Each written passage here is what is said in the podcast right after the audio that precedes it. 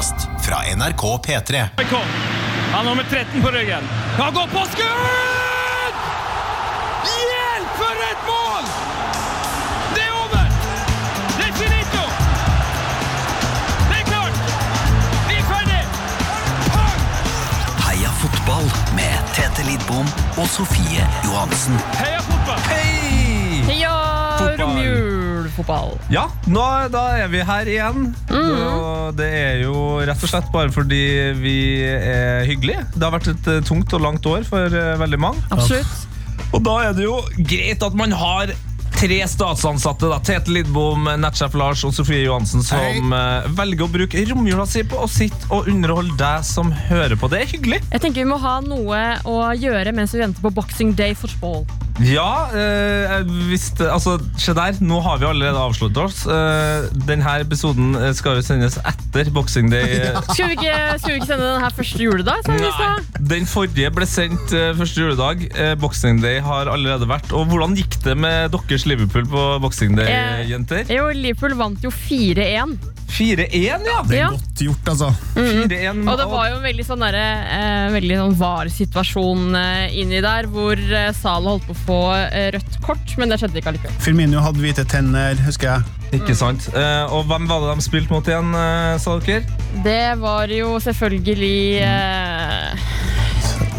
ja, Leicester i fjor, i hvert fall. Lesthampton. Ja, nei, Det er jo det som er morsomt at uh, altså det programmet jeg har foran meg, det, jeg, jeg ser faktisk ikke Liverpool. Har ikke fått noen kamp. nei. Så det var Leicester spilte mot Manchester United, tapte jo 3-1. Eh, og så var det jo Arsenal-Chelsea. Det var jo en blytung 0-0-kamp. Vet du hva, Jeg føler at det her symboliserer bare alt som er gærent med 2020. Ved at Liverpool skal spille Boxing Day football 27.12. Ja. Nei, men eh, Det som var poenget med denne praten, var jo at vi avslører jo nå at vi spilte inn det her eh, før jul. Ja, fordi at eh, vi er kjempeglad i eh, drømmelag. Vi har allerede gitt ut en drømmelag-episode tre. Fordi du finner nemlig to fra sommeren 2019 hvis du søker i arkivet vårt. Så vi er klar med episode nummer fire! Eh, og i denne episoden her skal du få blant annet drømmelaget til Thomas Aune. Og du skal også få Ingrid Halstensens 'Folk jeg har intervjuet Exi'. Oh. Mm, en av mine favoritter fra perioden som jeg har fått lov til å være i Heia Fotball. Fabelaktig. Eh, Før vi går inn i det første drømmelaget, da, så tenker jeg kan stille det store spørsmålet til begge to. Mm, Er dere klar? ja. Visste dere hvem julenissen var på julaften? Nei. Altså, jeg var jule- julenisse. Å ja. Da fikk vi jo svaret der. Ja. Det var Strålende. meg. Det var meg. Det Ja, var Nesjef Lars. Så fint, da. Hva kan du få gi din beste ho-ho-ho, Lars? Din beste julenisse? Oi! Herregud, det var faktisk overraskende bra. Det var Ja. Det hørtes ut som det var en annen person. At vi hadde spilt inn en annen lyd på forhånd. Ja, Det var imponerende. Nei, Skal vi gå til første drømmelag, da? Det er jo en, et ønske fra en lytter, fytter eller spytter. Er Litt usikker. Ja, Det er mest sannsynlig en fytter, eh, uansett om man hører mye eller lite fra. Han heter Fredrik eh, Skjegstad Johansen. Eh, at Skjegstad på Skjegstad F på Twitter, faktisk. Nettskjegstad, som jeg kaller den. Ja, det gjør du. Han ønsker seg drømmelaget til Thomas Aune. Eh, det her er jo da episode 65 tilbake i Oi, det- 2015, altså. Ja, Da var ikke jeg ferdig utviklet ennå. jeg. Nei, ikke sant? Jeg skulle akkurat kjøre født-vitsen her, men din var faktisk bedre. Eh, du var ikke ferdig utvikla, Johansen. Så du husker kanskje ikke så veldig mye herfra? Nei, det husker jeg ikke. Jeg begynte å tenke på hvor det var jeg var hen i verden eh, da.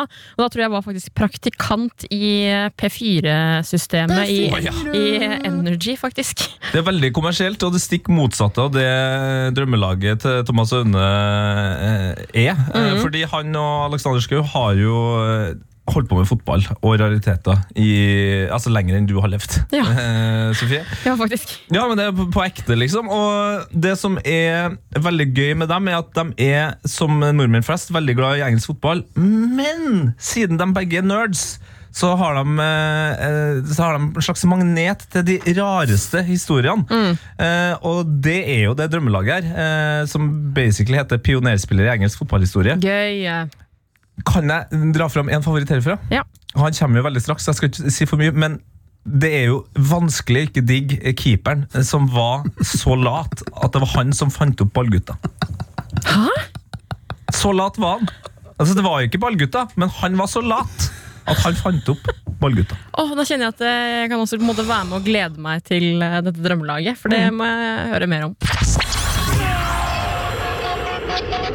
Heia fotball! Det er vel egentlig skal man si, et lag med elleve engelske eh, pionerer fra den engelske fotballhistorien. Er det vel. Okay. Som har vært eh, nyskapende på hvert sitt vis. Så deilig. Det er vel- ja, i hvert fall det jeg begynte med, så har det kanskje sklidd ut, eller? sklidd Ja, litt rann, kanskje. Det er noen som er litt tynne, ser jeg nå. Men uh, Vi får bare bygge dem opp i fellesskap. Det er sant, det. Ja.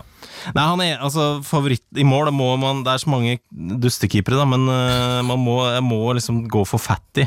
Uh, William Fatty Folks, som var da keeper for eh, Chelsea og Sheffield United uh, helt på begynnelsen av 1900-tallet, var altså så tjukk. Det er litt sånn usikker Det er sånn forskjellig hvor mye folk sier at han veide, men på det verste var det vel rundt sånn 140-150 kilo.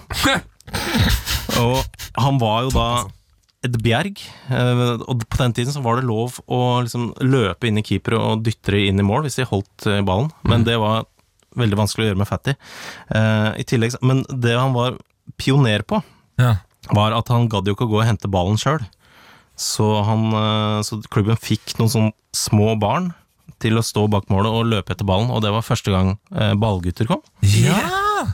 Rett og slett. Ah, så rått. Men, fy For fader. fett, gadd ikke sjøl. Ja, det er nydelig. Men altså, nå ser jeg på bilder av Fatty her, og stakkars barn, altså. Det må være utrolig skummelt å være så nære eh, en sirkuskjempe som han. Han blei jo sirkuskjempe etter karrieren, faktisk. Han blei sånn 'kom og se han eh, tjukke mannen'-aktig. Prøv å score mål på han. Ja, fin keeper. Ja, han er veldig fin. Ehm, så er det jo ehm, Jeg tenkte å kjøre en 2-3-5. Ja, selvfølgelig må du det. Ja, må jo det. Altså, Den gode, gamle formasjonen. Ja, Ja. må jo det. Så da kjører jeg Peter Story bak der. Som egentlig kanskje ikke er mer pioner enn at han er den første engelske fotballspilleren tatt for smugling av porno. Eh, da han eh, Det er noe, det òg. Det er det. Absolutt. Jo, han var også, ble dømt for falskmynteri, ble han også. Å, yes, det er han! Ja. Ah, Kongefyr. Ja. Eh, ja, det kan du godt si. Ja, eller ja, altså, du skjønner hva jeg mener. Ja. Jeg skjønner hva du mener. Eh, nei, han, fordi han uh, smugla Han gjemte 20 pornofilmer inni Han hadde en sånn jeep, eh, og stappa da 20 pornofilmer inn i der hvor reservedekket er. Bak på jeepen, liksom. Men blei dessverre tatt. Nei. Ja, det er for jævlig. Starta bordell i år nå. Nei! Jo da. Eh, så han vil gjerne ha bak der. Det skal du få veldig gjerne lov til. Tusen takk. Um, så lurer jeg på om uh, vi skal ta Phil Neville, jeg. Åh, Gode Phil. Neville. Ja. Egentlig først og fremst fordi han ja, det, er- det, er den det er der jeg merker at det kanskje er litt tynt. Men uh, han uh, Det som jeg syns er gøy med han, er kanskje den første til å innrømme hvor, eller gi oss innsikt i hvor lite fotballspillere faktisk er på kjøkkenet. Ja. Fordi han eh, innrømte for ikke så lang tid siden at han eh, lagde sin første pulverkaffe i en alder av 37. Nei. Det var fordi han hadde noen på besøk, og da måtte han Nei, nei. ringe kona si. Fordi han, han sto der med pulver, en vannkoker og vann. Og bare hvordan gjør jeg det her? Jeg vil ikke drepe han journalisten som er på besøk. Jeg trenger hjelp fra kona. Voldsomt forsvar. Midtbanen er heldigvis eh, Det er flere der. Ja, det er, eh, det er tre mann der. Så da begynner vi vel med en fyr som heter David Lecau. Lecau. Jeg er ikke helt sikker på hvordan man uttaler det. Han Um, er den første som har drept en fyr på fotballbanen, så vidt jeg vet. På banen! Dæven. Ja, for altså, i 1280 var det her, da. Da var det, ble det spilt en kamp utafor Newcastle i et sted som heter Ulcom, og han Det som var med David, vet du De var ikke så strenge med å liksom sjekke utstyr og sånn på den tida. Så han spilte med en kniv i beltet. Nei, nei. Ja. Så var det en duell, og da kom liksom den tuppen på kniven kom sånn ut av skaftet, og da var det en fyr som het eh, Henry, som, eh, som rett og slett fikk den i magen og, og døde. Uff, Det er, eh, det er ikke en gladhistorie, men Nei, han, sånn er livet. Um, Vi går videre på midtbanen. Ja, Chick Charnley, den første som har jaga folk med samuraisverd med en plastkjegle. Samuraisverd Altså, ja, nå, ja. de, han spilte på ja, Dette var i Skottland, da. Spilte på Partick Thistle. De trente i en park. Han, Chick Charnley, veldig tøff fyr. uh, fikk 17 røde kort i løpet av karrieren. Han uh, de, Det var noen folk som var To kiser sto der med en bikkje. Mm. Dreiv uppa litt til bråk. Han var sånn, vet du hva? Dette tar vi etterpå, etter trening. Ikke noe problem. Da kom de tilbake. Han ene hadde en dolk, han andre hadde et samuraisverd. Og så var han sinna bikkja, da. Så tok Chick Charnley tok opp en uh, plastkjegle og bare jaga dem. Og bikkja var den første til å løpe, og de Han endte opp med å ta det samuraisverdet og knekke de to over kneet. Yes! For en fantastisk uh, slagkraft det og eh, ja, ikke minst uh, handelkraft i midtbanen. da Ja, der, der, der, da trenger jeg en litt sånn feinschmecker. Ja. Uh, Mickey Thomas. Mickey Thomas. Første som er blitt eh, han, er, han er mange måter Han er pioner på flere felt. Han lagde jo sine egne penger. Eh, og så, ja, han solgte de til eh, gutta på juniorlaget. Han solgte vel ti pund for fem pund. Allerede der burde det ringt noen bjeller for gutta. Ja, det burde, burde gjøre det. Gjorde det kanskje det, men de tenkte ja ja, verdt å prøve. Eh, men det som er eh, Altså, han spilte på Manchester United og, Chelsea. Jeg syns det var litt for mye press i Manchester United, så ork, orka ikke å være der. Men da han var i, i, tilbake i Wales, så så lå han med sin eh, med, med kona til eksvogeren ja. i en bil, og ble da rett og slett oppdaga av eh, eksvogeren, eh, som da stakk en skrutrekker 14 ganger ned i rumpeballen hans. Nei, i rump... Altså under akten, på en måte? Ja, det vil jeg tro. Jeg regner med at han kanskje stoppa akten etter første stikk, men altså Det har vært imponerende om han bare fullførte, men det veit jeg ikke. Front fem. ja, fem igjen. Begynner med Lily Parr. Eh, Mye bra navn her òg, syns jeg. ja. Det her er en kvinne som spilte på Dick Kerr, som var altså det Spilte på Dick, komma, Kerr. Okay. Et uh, frustrerende navn, men det var altså uh, damelag som var i, De spilte under eh, første verdenskrig, mens alle liksom, andre fotballspillere var i krigen. Så -hmm. Så all eh, herrefotball ble suspendert, så da tok damefotball litt av. Det var sånn, trakk 50 000 mennesker og sånn i, i England. Og da var det altså Lily Parr som var den store stjerna. Hadde visstnok eh, tilslag som en hest. Eh, røyka veldig mye. Men hun var også den første som eh, Kvinnen jeg veit om, i hvert fall. Som brakk armen på en profesjonell keeper da, med et skudd fra 16-meteren. Oi! Det er ganske bra. Hun var 15 da hun var, liksom, slo gjennom. Helt rått. Ja, så tenker jeg å kjøre tre spisser. Mm. Ja, hun, er, hun er på noen slags ving, hun her, da. Hun er venstreving. Ja. Jeg tenkte å kjøre Hugh Curran inn på midten, rett og slett fordi han eh, er den første som scora et mål på tippeligaen en tippekamp i Norge noensinne. 1969. Mm. Spilte på Wolverhampton. Vi har møtte han for noen år siden. Han jobber nå på en parkeringsplass utafor Oxford. Jeg synes det var veldig gøy. Han ble sånn, med hvert sånn femte år eller sånt, så var det folk som tok kontakt med han. Og, så, om det jubileum, ja. ja. Ja, og da var det sånn Ja, det er veldig hyggelig at noen folk i Norge setter pris på For meg var det bare ett av mange mål, som var ikke noe spesielt med det, men det er som det han blir, som blir trukket fram hele tida. Strålende. Veldig hyggelig fyr. David Jack er den andre spissen. Ikke hørt om. Den første mannen som kosta over 10 000 pund da, Åh, da Arsenal kjøpte han i 1925. Eh, store penger på den tida. 10 890 kosta han. Men det skulle egentlig koste det mer. Men det var, for det var Herbert Chapman som var eh, Arsenal-manager på den tida. Han skulle møte Bolton, Bolton-gjengen.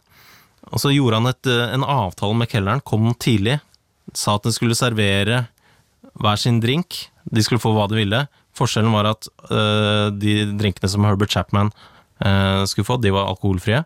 Men de drinkene som Bolton-ledelsen får, de skulle ha dobbelt så mye alkohol. Så da fikk han prisen ned fra 13 000 pund til 10 890. Så han var veldig fornøyd med det. David Jack. To navn. Altså. Eh, og den siste eh, spissen er Dixie Dean. Ah, Fantastisk mm. fyr, vet du. Førstemann som scora 60 ligamål i en sesong. Um, ja, det er så mye om han, egentlig. Han, han uh, mista jo en testikkel. Ja. Det er jo Det er ålreit. Han uh, slutta tidlig på skolen, begynte å jobbe med jernbanen, og da var det en sånn greie de hadde med at uh, uh, det var så mye rotter der, så de måtte sparke disse rottene inn i veggen, og hvis de klarte å knekke nakken på en rotta, så fikk de poeng. så, så, det var visstnok der han lærte å sparke med begge føttene, fordi han måtte også sparke rotter med, med venstrebeinet. Så det er ålreit. Ja, det er nydelig. Det er jo, det, det er jo eh, rotteframmarsj eh, titt og ofte i Oslo by, så folk kan jo bare begynne å ta fram den sporten her. igjen. Ja, jo Send ut Morten Berre. Få han til å løpe rundt, fikse opp i dette her. Du tror han er den beste til å drepe rotter med føttene? Vært kicker, så Ja, det er sant, det. En av de beste i. Oslo.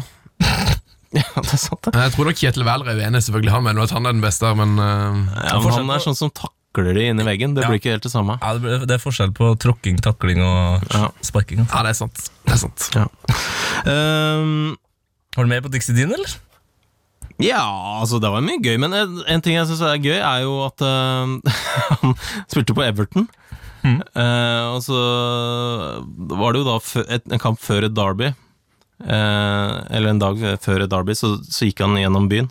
møtte keeperen til Liverpool. Og De var liksom bare på, på nikk. Det var liksom, De kunne ikke prate for mye heller, liksom. De var jo arge fiender den dagen. Ja. Så da tok liksom eh, Dixie Dean da bare og, og nikka i retning av han keeperen. Og da Jeg tror han gjorde det som en vits, eh, så, så da tok Eller altså, han keeperen gjorde det som en vits, for han lata da som om det liksom var en heading. Så han kasta seg gjennom lufta. Og bare kom bort etter asfalten. Er det som noen eh, rapporter som også da sier at han hoppa gjennom, med huet først gjennom en eh, vindusrute, men det, det er ikke, uh, Det er ikke bekreftet. helt Nei, det kan vi ikke bekrefte. Men jeg syns det, det var veldig gøyal eh, Jeg sitter med en helt utrolig plakat her, der Lionel Messi og Dixie Dean blir sammenligna etter 21 kamper i en sesong. Ok. Der eh, Messi har to hat tricks, det har, der har Dixie tre. Eh, og så har de Skal vi se De, er noen lik, lik, De skal 33 mål hver. Eh, Dixie skåra fem mål i en kamp, Messi fire. Og så er det også cigarette endorsements. Null på Messi, én på Dixie Deal. Det er veldig fint. Så er en god, god fotballspiller, med andre ord. Ja, absolutt. Da mangler vi vel bare en, eh, en høyreving, da. Ja, hun er plassert på høyreving, for det er jo Altså, det er, føler I dette systemet her så er det der liksom Hun veit Aner jeg ikke noe om hvordan det er til å spille, egentlig. Nei. Så jeg er ikke sikkert hun har spilt noe i det hele tatt. Men to kvinnelige vinger, det Ja. Ja. Rebecca Linden heter hun. hun øh, dette var på midt 1830-tallet, 1840-tallet, tror jeg. Noe rundt der. Hun var fra rugby, og mannen hennes drev med å, å lage fotballer.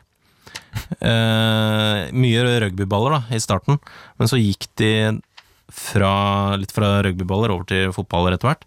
Um, men på den tida så brukte de jo ekte griseblærer Ja. i ballen. Og jobben til Rebecca Linden var da å blåse opp disse griseblærene. Så hun fikk da eh, noen bakterier fra en av disse grisebærene. infeksjon, et eller annet sånt, som da gikk inn i kroppen hennes, eh, og hun døde. Nei. Så hun er den første kvinne, sikkert, første menneske i verden som døde av å blåse opp fotballer. Jeg beklager at jeg ler.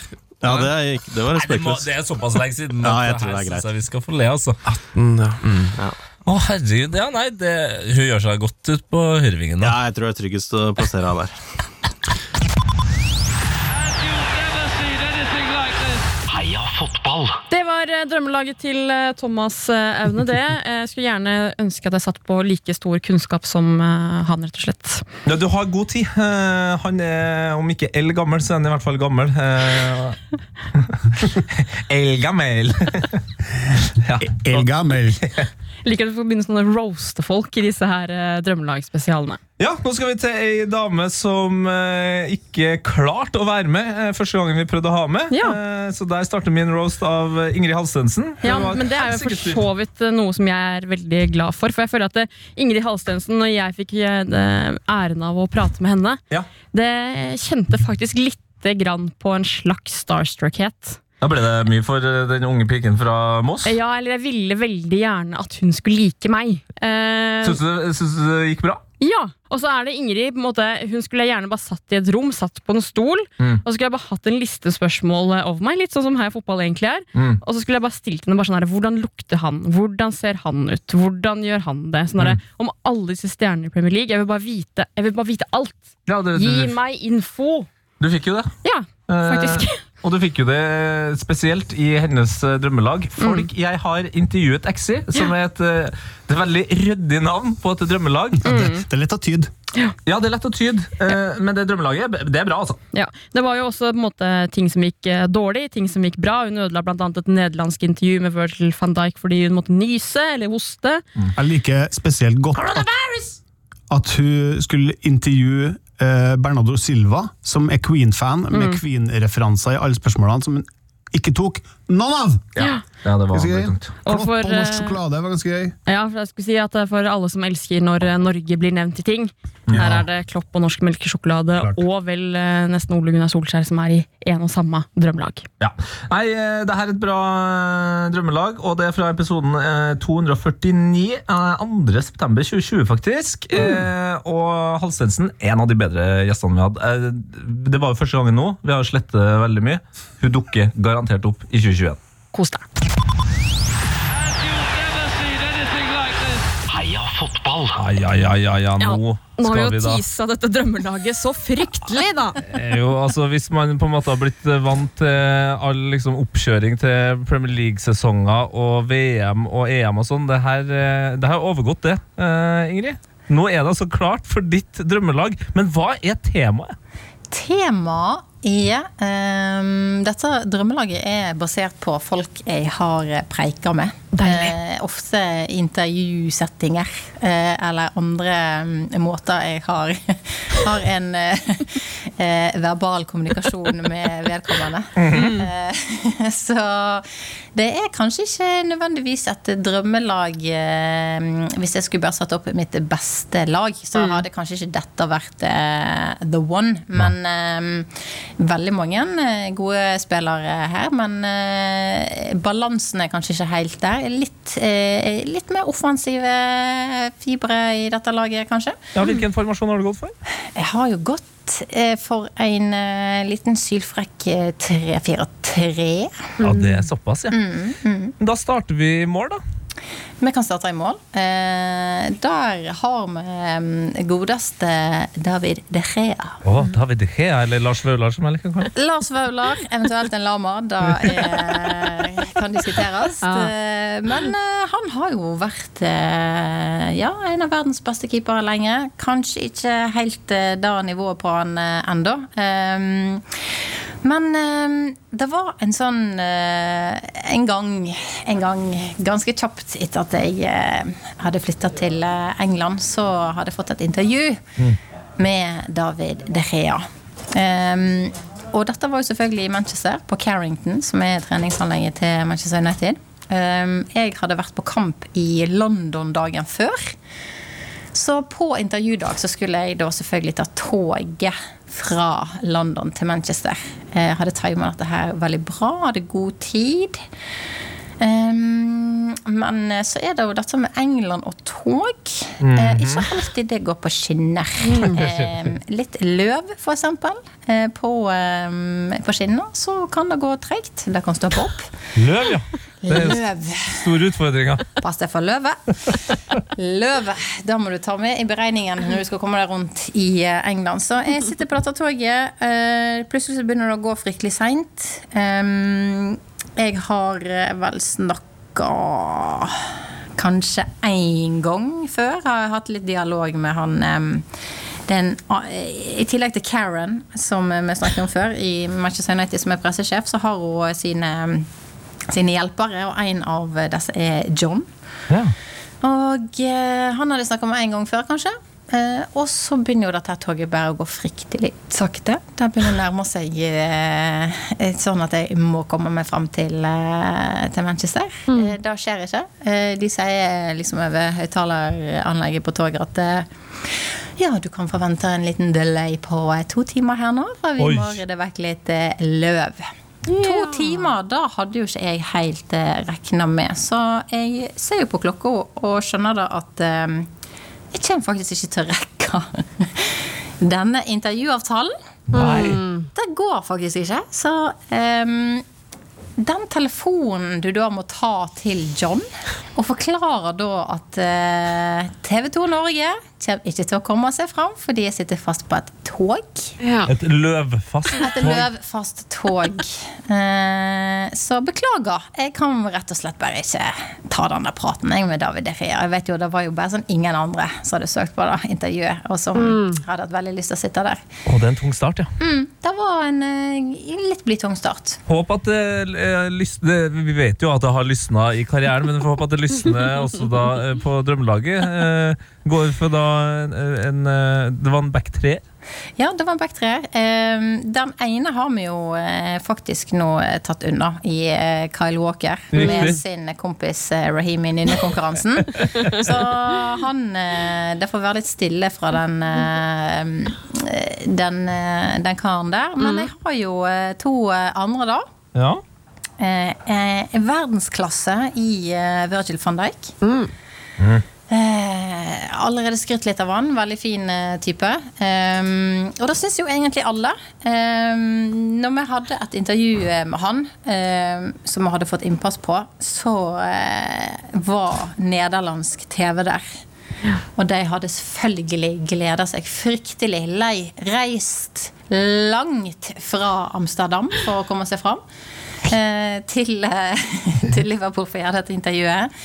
Eh, de hadde mm, fått eh, kanskje et par minutter ekstra. Det får man eh, ofte hvis man er fra det landet som spilleren er ifra. Eh, så det er jo en, fordel. Så de hadde liksom skikkelig, skikkelig opplegg. Og vi sitter der inne. Jeg har allerede gjort mitt intervju med van Dijk. Men det er sånn at når du først har satt deg ned For vi sitter i et, i et rom som egentlig er, ofte er det pressekonferanserommet som Jørgen Klopp pleier å ha alle pressekonferansene sine før eh, kamper. Det er, der vi, er pleier å gjøre om til eh, en slags eh, fotografisk vakker oase. Eh, ingen selvfølgelig taklys, alt er lyssatt i et helt mørkt rom. Eh, men da, da betyr at selvfølgelig ingen kan gå inn og ut av dette rommet når du først har satt deg ned. Så selv om du er ferdig med ditt intervju, så må du sitte der og vente til alle de andre har gjort ferdig sitt intervju. ja. Eh, selvfølgelig musestille. Problemet den dagen eh, var jo bare da at eh, jeg hadde litt sånn hoste. Nei. Ja. Nei. Eh, Så dere skjønner jo hvordan dette kommer til å, å gå. For eh, jeg, jeg sitter jo der da eh, mens nederlandske TV da er i gang med sitt fantastiske intervju med van Dijk. Jeg skjønner ingenting hva de sier, men jeg skjønner at dette er gode greier. Van Dijk sitter der og ler og er i godt humør og cracking jokes og bare Sikkert helt strålende. Så jeg kjenner at jeg begynner Jeg må seriøst hoste. Jeg prøver alt jeg kan for å bare kvele den hosten. Men dere vet hvor vanskelig det kan være. Da det det Skal du verre. så bare, det bare går ikke. Så jeg bare tar en beslutning. Jeg må bare jeg kan ikke sitte her og hoste, i hvert fall. Ehm, Jeg må bare komme meg ut. Så jeg bare sånn lister meg bort til den døra. Den eh, åpner seg egentlig ganske fint, uten noe knirk eller knark. Men eh, det jeg ikke ser, er jo at når jeg åpner denne døra, så får jo da van Dijk eh, dette flomlyset fra ute i gangen midt i trynet. Så hele settingen er liksom bare ødelagt. Eh, og da ser jeg jo ikke jeg når jeg lister meg ut. sant? Eh, så jeg er bare kjempefornøyd med at jeg kommer meg ut uten å lage en lyd. Kommer ut på gangen, hoster meg ferdig og tar litt vann. Og kjempefornøyd, liksom. Så jeg går jo bare inn igjen på samme måte. Nei, nei, nei! Du gjør det òg, ja. Bam, bam, Bare for å toppe det, så bare bopp, opp med døra, og da ser jeg jo da selvfølgelig, når jeg går inn, at bare Ja, der var jo der var jo hele den settingen Ja, det var ødelagt, ja. da måtte de ta det på nytt, ja. ja, ja To ganger.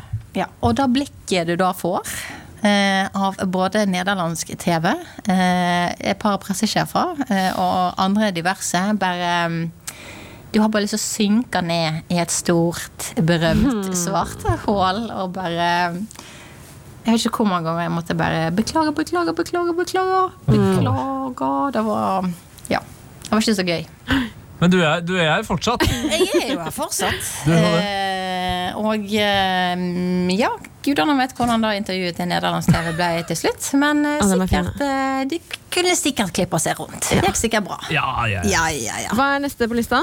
Neste på lista er eh, Jeg vil ikke si det samme verdensklasse, eh, men vi skal tilbake til Manchester United. Og godeste Phil Jones. Ah, Peel Jones. Mann som ofrer alt. Jones. Det er akkurat da han gir. Og det var akkurat da jeg hadde lyst til å spørre han om. Ja. når vi var på et, eh, et intervju. Eh, og eh, han har jo dette fjeset han Ja. lager. Ah, nydelig fjes. Ja, uh, I alle mulige settinger så er jeg jo helt legendarisk. Ser ut som man har ekstremt vondt og skriker liksom av Ja. hele Jeg skjønner ikke hvordan gummifjeset Nei. klarer å eh, lage alle disse mimikkene og uh, grimasene. Det er fantastisk. Men da tenkte jeg, det må jo være et kjempetema å snakke med han om. Da, synes jo sikkert, da kan jo han sikkert ta Han tar seg ikke sjøl så veldig høytidelig og syns at det er kult. Så jeg hadde jo liksom eh, forberedt et intervju hvor eh, sikkert eh, 60 var dette greiene her. Og så, for det var da jeg lurte på. Og så alt av det andre sånn der eh, ja-ha, viktig kamp og la-la-la. Det var bare sånn ekstra ting. Som jeg, eh, som jeg hadde, som jeg følte at liksom, jeg må ha. Ehm, men så bare lufter jeg litt sånn ideen med liksom de andre reporterne i dette rommet. For vi sitter jo ofte vi kan sitte timevis eh, og vente og rigge og gjøre klart før eh, intervjuobjektene kommer. Eh, og jeg fikk jo veldig kjapt en liten sånn eh, feeling på at ja, jeg vet ikke om det var, de syns at det var en god idé. Eh, kan hende han liksom ikke er helt med på den. Men eh, ja, ja. Tenkte nå jeg, jeg eh, Han kommer til å like det. Jo da, jo da. Og så bare ser du jo litt an hvordan det går med de andre som stiller spørsmålene før deg. Og så var det en, eh, en fyr som hadde egentlig en veldig sånn snill inngang på det. Mer sånn, Du er nesten blitt sånn kulthelt med liksom disse fjesene du lager og sånn. Altså da fjeset Phil Jones satt opp når han bare begynte å snuse rundt grøten på det temaet. Her, altså Det er verre enn alle, alle bilder som har blitt knipsa av han i, i det der. Altså han var bare, Det bare lyste av han at dette syns han overhodet ikke var et gøy tema å snakke om. Han bare snakket seg vekk fra det med en gang. Oi, så her var det bare å stryke ut. Ja, så da satt jeg jo der, da. Eh, Med Måtte jo bare eksa ut eh, over halve arket mitt Ja. med det jeg hadde planlagt. Og hadde vel, kan vel ikke si at jeg hadde en sånn veldig god plan B heller. For det var liksom det jeg syntes var litt sånn gøy med han. Og jeg hadde jo håpet at han kunne være litt sånn Altså sånn, ja, lite sjølhøytidelig og leder vekk. Sånn, mm. ja, jeg vet at du ser ut som en idiot, men uh, nå i hvert fall alt for klubben. Type et eller annet. Ja, en Liksom. hyllest, rett og slett. Ja. Ja, det kan jo være at det var rett etter uh, den overskrifta her. Manchester United's Phil Jones suffers friction burn on his forehead after faceplanting all the Trafford turf during FA Cup win over Reading. Det kan jo være. Det kan jo være. At det var rett etter det var rett og. Ja, ja, ja. Ok, På uh, midtbanen, hvem har vi der? På midtbanen eh, La oss begynne med en av gutta vi teaser litt. Ja. Eh, Bernardo Silva. Ah, en deilig potet. en eh, fin, eh, fin, fin eh, fyr. Han eh, har jo også blitt offer for min musikkinteresse. Og mine musikkspørsmål. Eh, jeg hadde på forhånd lest at han var enormt fan av Queen. Oh, ja. Eller Quince som han eh, kaller de. Quince ja. Ehm, Quins. Uh, så han uh, Jeg tenkte, vet du hva, nå skal jeg Dette her var før forrige sesong, eller den sesongen som var nå, begynte. Og da er det ofte litt sånn mediedager. Og de er i hvert fall blytunge, for da snakker de sikkert med ti stykk på en dag. Og liksom det er bare samme greiene opp igjen og opp igjen og opp igjen. Det begrenser liksom hva du kan spørre om før en seriestart. Hvor mye gleder du deg? Hva tror du kommer til å skje? Så jeg fant ut at jeg skal stille hvert eneste spørsmål eh, med en Queen-sangtittel i spørsmålet. ja, ja, jeg var så fornøyd med meg sjøl. Jeg tenkte dette her må bli strålende gøy.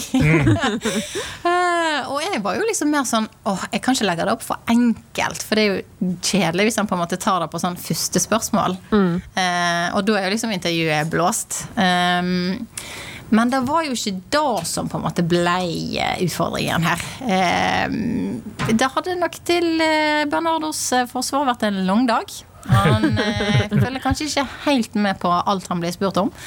Så han catcher jo ikke alle mine fine spørsmål. Eh, jeg har jo Jeg har faktisk eh, lista foran her. Og du har det? Ja, men hva jeg spurte han om? How good does it feel to sit here just days before the Premier League starts and be able to say We are the champions. uh,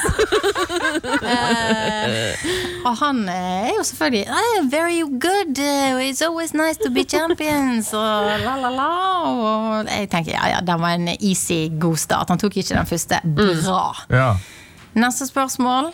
Sant? You won the Premier League the last two years, back to back. Do you feel like you're under pressure? Eh, Fremdeles uh, ingenting. Jeg fortsetter med Every year, another one bites the dust in the Premier League. Do you think it's gonna be Liverpool this season? Eh, nei, fremdeles ingenting. Fremdeles absolutt ingenting. Og jeg fortsatte. Eh, what's your message to the fans? We will rock you. Fortsatt ingenting. Eh, og jeg tenker, nå må jeg, nå må jeg si det så banalt at jeg, han kan ikke unngå å på en måte få det med seg. Så jeg bare I heard last year on Radio Gaga that Manchester City is probably the best football team in England. Eh, og han bare Yes, yes, eh, that's uh, we very good. Altså, han tok ingen av spørsmålene mine. Ok, kan, vi, kan vi bare høre en liten bit av det? nå? How good does it feel to be able to sit here just days before the Premier League starts and say, We are the champions? Do you feel like you're under pressure? I heard last year on Radio Gaga that Manchester City is probably the best team that England has ever seen. You would probably want to break free now, yeah? Yeah. Yes! Let me go.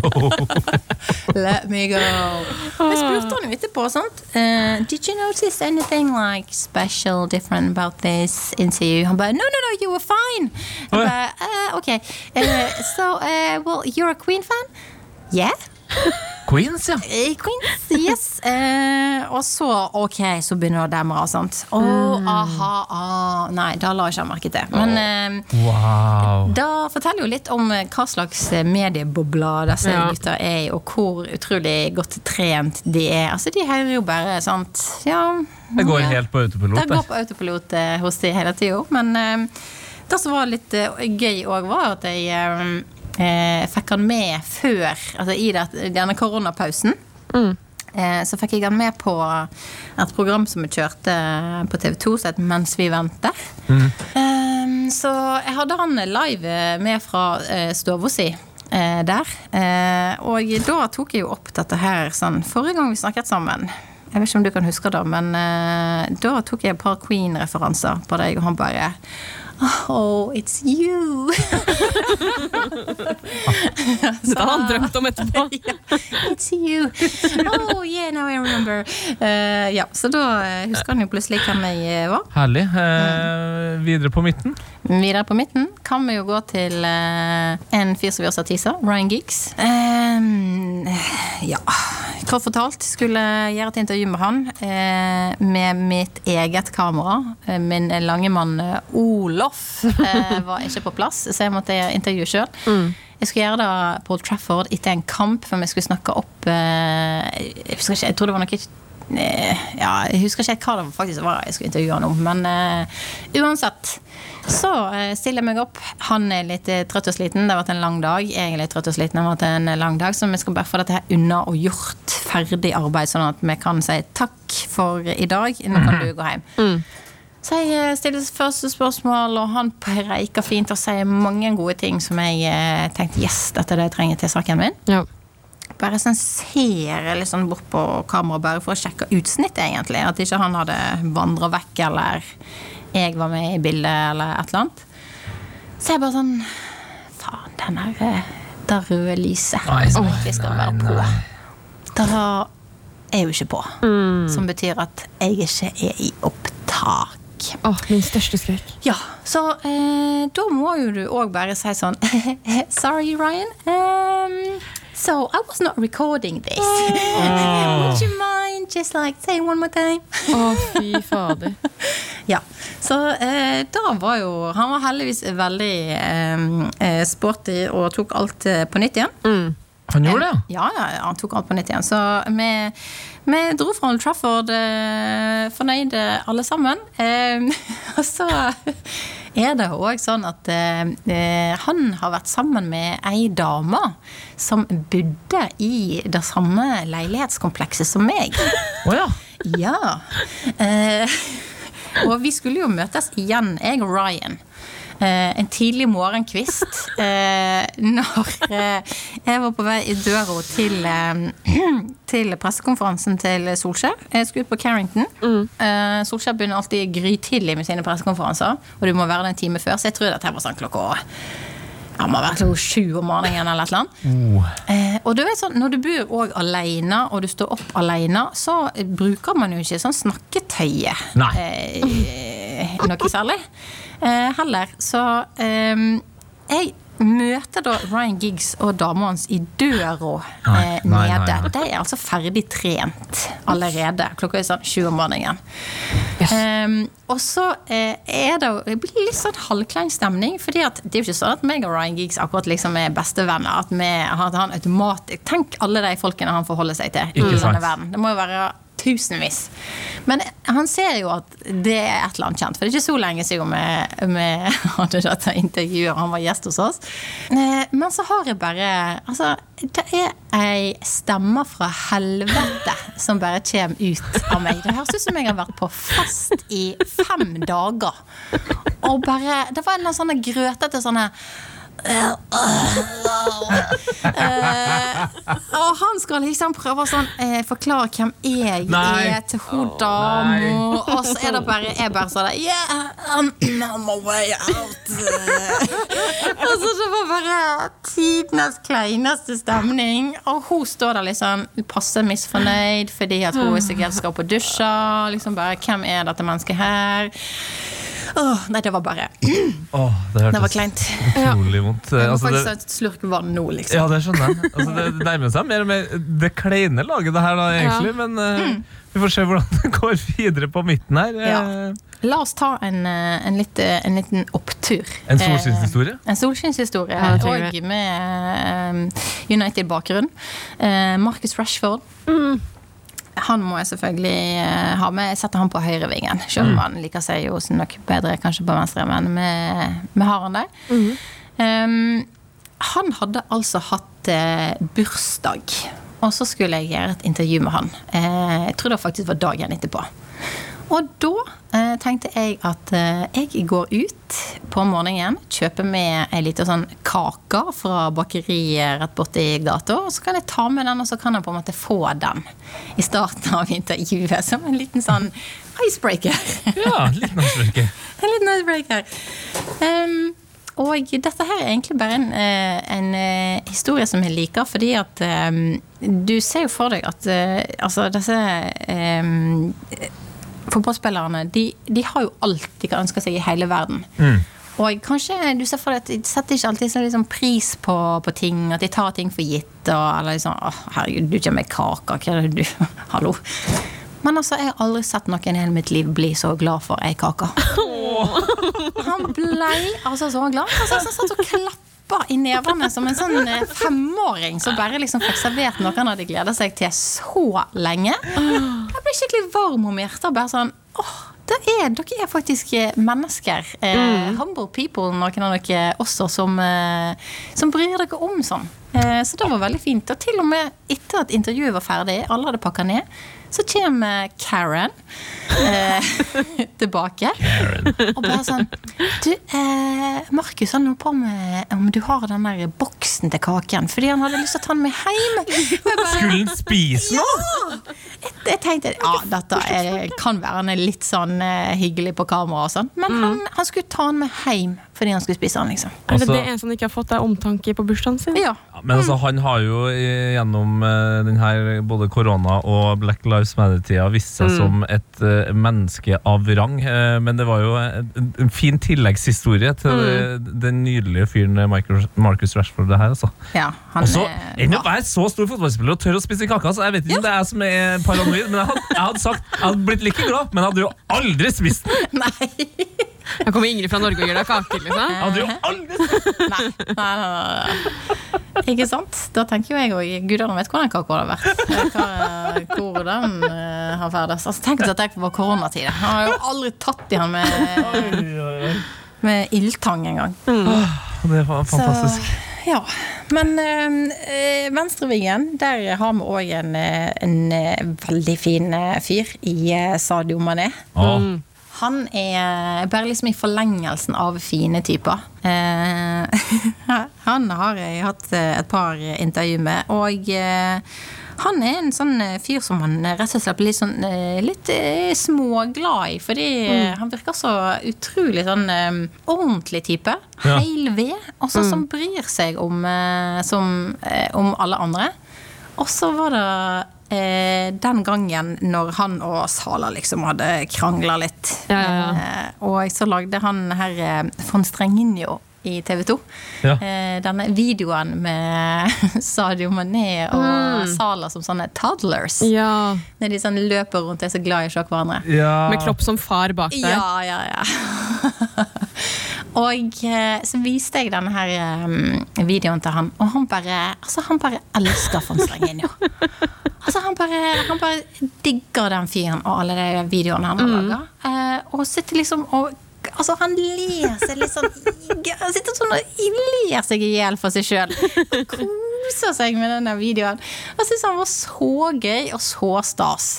Eh, og der igjen, et menneske som eh, som virkelig setter pris på andre folk og andre folks eh, arbeid. Da er Sadio Mané. Da har vi tre igjen på topp der. Ja, det har vi. Eh, la oss begynne med kjernekaren, vil jo jeg si at han er. Troy Dini. Troy Dini. Troy! Troy. ja, kjernekar. eh, Ja, ok. Eh, ja, altså for meg så var jo han da, selv om han har jo vært i fengsel og litt diverse, så følte jeg at dette her, denne, denne fyren, han liker jeg. Han, han, vet hva, han vet hva livet består av. Han vet hva det går i. Så når jeg var på besøk der, så er jo da en helt annen opplevelse enn eh, å sitte seg ned og ha sit-downs med f.eks. Liverpool, eh, Manchester United-spillere. Der alt er innenfor rammene, alt skal skje eh, i gitte tidspunkt, og nåde deg om du går 30 sekunder over din tilmålte tid. Altså Der var det bare 'velkommen inn, ta deg til rette'. Altså Jeg fikk en privat omvisning på Watford sitt treningsfelt av Troy Dini. Altså Han lagde te til meg. Hæ? Han lagde te til meg. Altså Bare da, bare da at en, en fotballspiller eh, i Premier League har lagt te til meg, da Ja. føler jeg er Wow! har nådd mye, da. That's life goals for meg. Ja. Og liksom, det er ikke bare en fotballspiller, men liksom en av de største og Ja. hardeste. Ja. Så han eh, liksom inn i gymmen der der gutta satt og pumpa Han bare 'Hi, boys, jeg har med meg eh, noen fra Norge her. Ingrid.' Jeg bare 'hallo'. Eh, og liksom viste oss rundt inne på liksom, det sosiale rommet der de spilte biljard. Og bare liksom Han satt av sikkert Jeg tror jeg hadde en time hvor jeg drev og rusla rundt på treningsfeltet deres. Og da hadde jo aldri kunne skjedd i, eh, i eh, noen av de større klubbene. Så det var skikkelig, skikkelig gøy. Eh, altså. ja, og så prøvde jo jeg sånn å være litt sånn Du er sånn kul. Eh, liksom på gamet han, sant. Ja. Eh, men han gjennomskuer jo da ganske kjapt. Han bare sånn eh, Jeg hører at du er hvit godt har gått på universitetet, stemmer det? Ja, det Okay. Den er god. Thank you for the tea. Ja, nailer ikke liksom helt den der Yo, man, cool, yeah, prison oh. Nei, Altså, jeg var ikke helt, eh, jeg var ikke helt der mann, da. Da- Men da sa han på en sånn jækla kul måte bare, ja, her er du litt sånn hvit og du går på universitetet. Oh. Men det går fint. Eh, her er det rom for alle. Ja, det er nydelig, det. Og da er, det, da er han i midten der, da, eller? På topp? Altså Alle disse her bør kaste inn i boksen, egentlig. Ja. Det har, for å si det sånn. For uh, nestemann er uh, Aubameyang. Han uh, er vanvittig opptatt av eh, klær. eh, og sneakers og sånn. Så eh, jeg hadde et intervju med han, og jeg tror det første minuttet i hvert fall gikk med til å diskutere sneakers. For han syntes jeg hadde veldig kule sneakers, og så måtte jo jeg selvfølgelig se tilbake, selv om han hadde noen dritstygge oransje sneakerser. At de òg var veldig fine. Hvilke, hvilke sneakers var det du hadde på? da? Altså, for nå snakker du med Norges Aubameyang her. Altså, jeg er jo ekstremt opptatt av sneakers sjøl. Kan bekrefte. Jeg tror jeg hadde eh, noen uh, Nike Air Force oh, ja. med litt sånn uh, Noe sånn der uh, farge som så ut som sånn bensin. Ikke så, ja, men classic, da, så lenge det er Air Force. Ikke sant? Da skjønner jeg jo at han reagerer. Han er med på den. Ja. Jeg aner ikke hva han hadde på seg, men det er sikkert noe dyre greier som han har betalt mye for. Men gjennomgående sånn eh, eh, oransje, eh, neonoransje. Eh, så da snakket vi masse om. Eh, men det var veldig fint, fordi eh, da fikk vi en veldig sånn god tone resten av intervjuet. Og det var Nå skal ikke jeg liksom, liksom skryte, men det var påfallende at dette intervjuet gikk mye bedre enn alle de andre eh, intervjuene. Eh, som òg jeg tror henger litt sammen med eh, altså Temaet for denne spilleren her er egentlig eh, hvordan eh, klesstil og kleskode spiller inn på de intervjuene du gjør. For det, alle spillere er som regel litt sånn der De er jo litt sånn kule folk som går kanskje litt sånn der eh, avslappa stil eh, til vanlig. Mens disse her er britene. Å, helledyssen. Så de skal ha på seg altså, Det gir det intervju, så er det liksom, kommer liksom mann i full dress med Ja. slips og dressko og alt. Så det blir jo så stivt og veldig ordentlig. sant? Mens jeg tror da at eh, Eller har i hvert fall en eh, tanke om at eh, de snapp, slapper litt mer av. Er liksom litt mer sånn chill, og det er jo liksom en chill prat man har lyst til å ha med deg. Hvis du da òg reflekterer litt eh, litt chillere approach. approach. Så jeg går veldig ofte litt sånn hettegensere og ja, sneakers og Her, er kjempe, det, det, Ja. her, er- her er du meget god. Jeg, har tenkt mye på det samme. Da blir du Ingrid from Norway. Ja. Yeah. Der er endelig Ingrid fra Norway. Så da passer det jo fint at vi kan eh, avslutte med en fellow Norwegian. Oh. Ja. Eh, en som har vært gjest hos dere òg, eh, tror jeg. Ok. Eh, Alexander Sørloth. Ja, ja, ja, ja, ja. Ja! For en nydelig mann.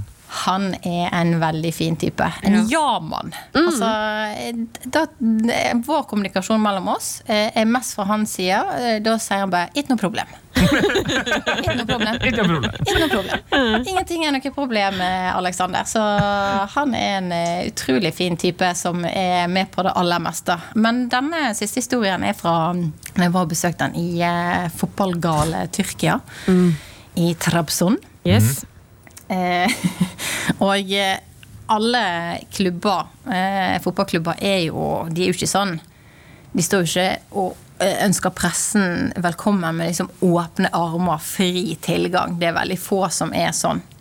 Eh, og spesielt når de ikke snakker språket. Eh, og her snakket, var det bare én som snakket engelsk i tillegg. Tolken på laget. Eh, så de var litt sånn, eh, som alle fotballklubber er, selvfølgelig litt sånn bekymra. Sånn, eh, de ville jo selvfølgelig vite hva jeg skulle spørre Sørlotte om, og eh, eh, spørsmålene mine og, og sånne ting. Så da meldte vi inn på forhold. Men akkurat at de ville ha sånn kontroll på ting, da syns jo jeg og Aleksander var litt eh, gøy. oh, ja. så, så vi bestemte oss for at vi skulle ta en ørliten eh, prank på han eh, tolken. Som eh, var der da sammen med han eh, jeg tror pressesjefen. Mm. Så vi bestemmer oss for at eh, på slutten av intervjuet, da er vi, er vi liksom ute, vi har liksom vandra litt rundt på treningsfeltet og sånn, så, skal, eh, så skal jeg si noe, og så skal um, Sørloth bli sånn skikkelig sur. Og bare liksom, eh, liksom bare ta sinnet på seg og bare trampe vekk fra meg. Og jeg bare sier Jeg tror jeg sier noe sånt til, til Alexander at du hadde hørt at nå blir det fast inventar med ananas på hver jækla bidige pizza. Og han bare fyrer seg opp, sant. Eh, og han bare liksom altså han, Den skuespillerrepresentasjonen han gjorde der, var helt eh, nydelig. Han fyrer seg opp og bare melder så pokker, vet du. Og bare tramper av gårde. Tramper vekk. Og da trynet på han tolken. Altså, han visste ikke Altså, jeg kunne holdt på å dette ut av han. Haka rett ned i gulvet. Han bare sier til meg sånn What did you say? Sånn, helt sånn, han var livredd for hva som hadde skjedd her. Og jeg bare må gjøre uh, min aller beste jobb med å ikke på en måte eh, avsløre meg. Jeg har jo ikke akkurat et kjempebra pokerfjes, men jeg bare sånn, nå må du ikke bare liksom give it away. Så jeg bare No, I, I don't understand. He was very happy. And then all of a sudden he uh, just uh, got very angry. I don't understand. Og han ble jo bare Altså, svetten begynte å piple fram i panna på han. Han ble jo så bekymra, selvfølgelig. Ja, jeg, fikk meg vondt av han. Eh, Men til slutt så kommer jo Alexander tilbake da med et stort eh, smil. Og altså denne lettelsen på han Ja. og litt eh, sinne når han liksom skjønner at bare dette her var kødd. Oi, oi, oi, oi, oi. Oh. det, er nå, det der er nå det bedre. Ja, nei, men det var, det var skikkelig Da, hadde vi det gøy. Du har ikke prøvd å komme tilbake til Trabzon eh, etter det? Eh, det har jeg ikke, men den klubben var eh, De var utenom eh, Altså, de var fantastiske med oss eh, på hele oppholdet der. Og Trabzon, Trabzon som by er jo helt gæren. Ja. Det fikk vi vite, ja. Mm. Ja, helt eh, Helt gale Mathias. Og de spilte jo mot Fenerbahçe, erkerivalen, når vi var der òg. Og det var jo bare Og det er jo ingen turister der, sant? Nei. Absolutt ingen turister. Det er kun lokale folk som er helt har fotball og laget sitt som religion. Så det var Ja. helt nydelig å få være med på. Men det her ble jo en, en meget eh, god elver. Hva skal vi kalle det? Ja. Trøblete intervjuelver? Intervju-XI? ja. Jeg har, eh, jeg har manager òg. Ja, ja, vi må jo få på manageren. Ja. Uh, må jo være Jørgen Klopp. Hadde liksom ikke noe valg. Nei. eh, der. Eh, bakgrunnen er den storyen vi gjorde med, med Ole Einar Bjørndalen. Ja, ja, ja, ja, ja. Eh, Og han er altså så fan. Han er så fan Altså av Ole tyskere Einar. og skiskyting. Ja. ja men han, var jo helt, han ble jo en liten gutt. Altså, jeg har aldri sett noen som faktisk ble skikkelig Altså, Jeg har jo sett andre eh, jeg håper jeg, av oss dødelige som blir starstruck av type Jørgen Klopp. Men han bare Han syntes det var altså så stas og så stort å få møte Ole Einar Bjørndal. At uh, han, han Altså, vi hadde jo egentlig bare en, en time, tror jeg vi hadde egentlig, var liksom avtalen vi hadde sammen med med Klopp, men han bare liksom Han bare rydda hele kalenderen. Han og bare satt av hele kvelden, og så bare I morgen så kommer dere tilbake igjen på treningsfeltet. Ja, ja noe bare tar tennis inni der og Ja, ja, ja. Sånn der padeltennis og dama til Ole Einar eh, Justina kom inn og Det var Men det er jo sånn, altså da, nå har vi jo svaret på sånn, hva skal man gi menn som har alt? Det er liksom bursdagskake Ole Einar Bjørndal. Da er, altså, det, Ja, eh, nei, eh, hva gjør man da? Eh, for etter han hadde spilt eh, padeltennis med Daria og eh, Ole Einar, og de hadde utveksla nummer og alt mulig, så eh, hadde jo Ole Einar med en liten sånn godtepose fra Norge. Med litt eh, laks og brunost, brownkese. Eh, Brownkise, ja. og selvfølgelig melkesjokolade fra Norge. Um, og der eh, Marcus Rashford spiste kaka, så tipper jeg at eh, Jørgen Klopp eh, kanskje holdt seg litt unna brownkese og den laksen som hadde lagt eh, kanskje litt eh, romtemperatur for lenge. Eh, men sjokoladen, den spiste han. Den gikk ned på høykant. Den gikk ned på høykant. Eh, da fant jeg jo ut neste gang jeg traff eh, Jørgen Klopp etter en kamp på Anfield, og, og jeg sto og venta eh, på et intervju med han. Fikk jeg egentlig beskjed om at eh, nei, du får ikke Jørgen Klopp eh, denne gang. Eh, men så er jo jeg eh, en fordel, vet du, når det er litt sånn høy. Ja. At eh, du ruver jo over et par av disse her Du syns? andre på. Ja, jeg syns litt. Eh, Så jeg sto nå liksom bare baki der og var egentlig bare, liksom bare parat til å gripe Hvis en mulighet skulle åpne seg, så skulle i hvert fall jeg stå på rett plass. Ja. Um, og så går liksom Jørgen Klopp inn i en sånn bås, som de ofte går inn i. Um, og da ser jo han litt sånn folk som står i bakgrunnen der. Og så bare gauler han ut litt sånn over alle sammen. That Norwegian chocolate? Oh my god!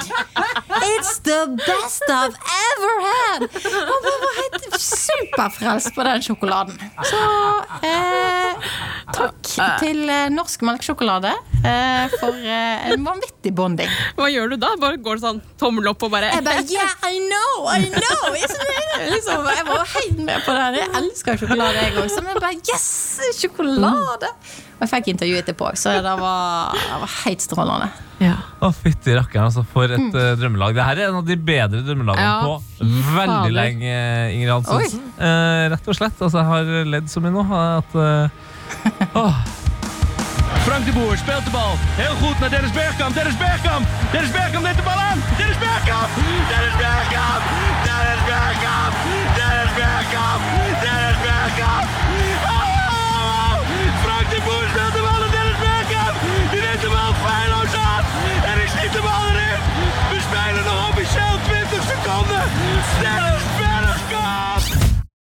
P3s Heia fotball. Hør i appen NRK Radio.